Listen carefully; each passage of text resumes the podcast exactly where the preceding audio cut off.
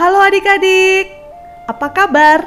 Tante Lisia berharap adik-adik selalu semangat dan sehat selalu. Sebelum kita mendengarkan firman Tuhan, mari kita berdoa. Bapa di surga, kami anak-anakmu sungguh bersyukur untuk hari yang Tuhan berikan ini. Saat ini kami siap untuk mendengarkan firman-Mu. Pimpinlah kami dengan roh kudus-Mu hingga kami dapat mengerti dan melakukannya di dalam kehidupan kami. Terima kasih ya Bapa, di dalam nama anakmu Tuhan kami Yesus Kristus kami sudah berdoa. Amin. Nah adik-adik, pembacaan firman Tuhan hari ini terambil dari Kejadian 37 ayat 1 sampai ayat 11. Yuk buka Alkitabnya Kejadian 37 ayat 1 sampai ayat 11. Ini kisah siapa ya? Ya, betul. Ini kisah Yusuf dan saudara-saudaranya. Adapun Yakub, ia diam di negeri penumpangan ayahnya, yakni di tanah Kanaan. Inilah riwayat keturunan Yakub. Yusuf tak kalah berumur 17 tahun, jadi masih muda biasa mengembalakan kambing domba. Bersama-sama dengan saudara-saudaranya, anak-anak Bilha dan Silpa, kedua istri ayahnya.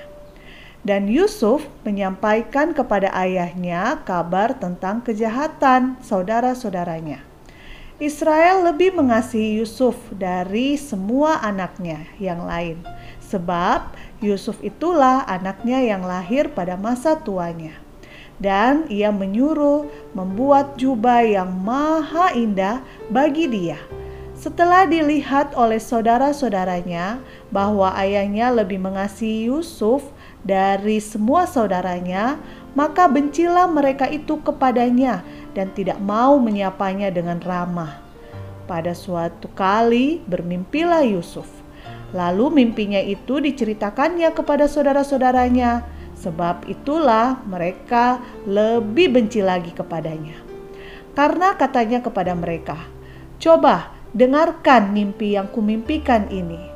Tampak kita sedang di ladang mengikat berkas-berkas gandum, lalu bangkitlah berkasku dan tegak berdiri.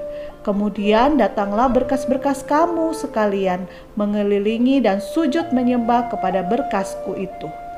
Lalu saudara-saudaranya berkata kepadanya, Apakah engkau ingin menjadi raja atas kami? Apakah engkau ingin berkuasa atas kami?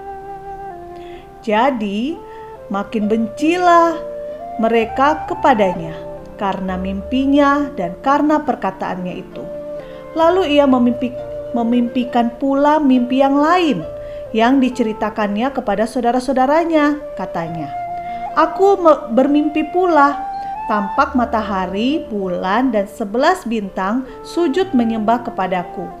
Setelah hal ini diceritakannya kepada ayah dan saudara-saudaranya, maka ia ditegur oleh ayahnya. Mimpi apa mimpimu itu? Masakan aku dan ibumu serta saudara-saudaramu sujud menyembah kepadamu sampai ke tanah? Maka irilah hati saudara-saudaranya kepadanya. Tetapi ayahnya menyimpan hal itu dalam hatinya. Demikianlah pembacaan firman Tuhan. Nah, adik-adik, adik-adik pasti sudah pernah mendengar kisah Yusuf dan keluarganya. Yusuf yang masih muda tidak memahami rencana Allah pada dirinya. Namun, Allah menyampaikan kepada Yusuf rencana indah yang disusunnya untuk Yusuf melalui mimpi. Yusuf dengan polos menyampaikan mimpi-mimpinya itu kepada saudara-saudaranya dan kepada orang tuanya, yang membuat saudara-saudaranya bertambah iri dan benci kepadanya.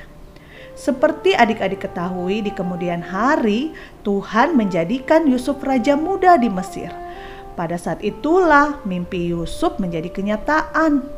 Saudara Yusuf dan bahkan ayah seluruh keluarganya datang memberi hormat kepada Yusuf agar beroleh makanan dan tempat tinggal di Mesir.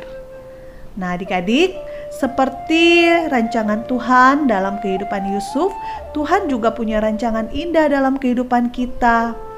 Mungkin saat kita masih kecil, saat ini kita belum tahu, tapi percayalah bahwa Tuhan sudah punya rencana yang indah dalam kehidupan kita. Yuk, sama-sama kita katakan, "Aku tahu Allah punya rencana indah bagiku." Sekali lagi, yuk, "Aku tahu Allah punya rencana indah bagiku." Yuk, kita mau menutup renungan kita dengan doa. Mari kita berdoa. Bapa di surga, kami sungguh bersyukur untuk sukacita, untuk keluarga, untuk kehidupan yang kami terima dalam kehidupan kami. Kami bersyukur Tuhan, kami boleh mendengarkan firman Tuhan. Kami percaya Tuhan punya rencana indah dalam kehidupan kami. Biarlah kami mau jadi anak yang baik, yang selalu giat belajar untuk mewujudkan setiap cita-cita kami. Dan kami percaya Tuhan punya rencana indah dalam hidup kami. Terima kasih ya Bapa, di dalam nama anakmu Tuhan kami Yesus Kristus kami sudah berdoa. Amin. Nah adik-adik sekian renungan hari ini. Sampai jumpa besok ya. Dadah.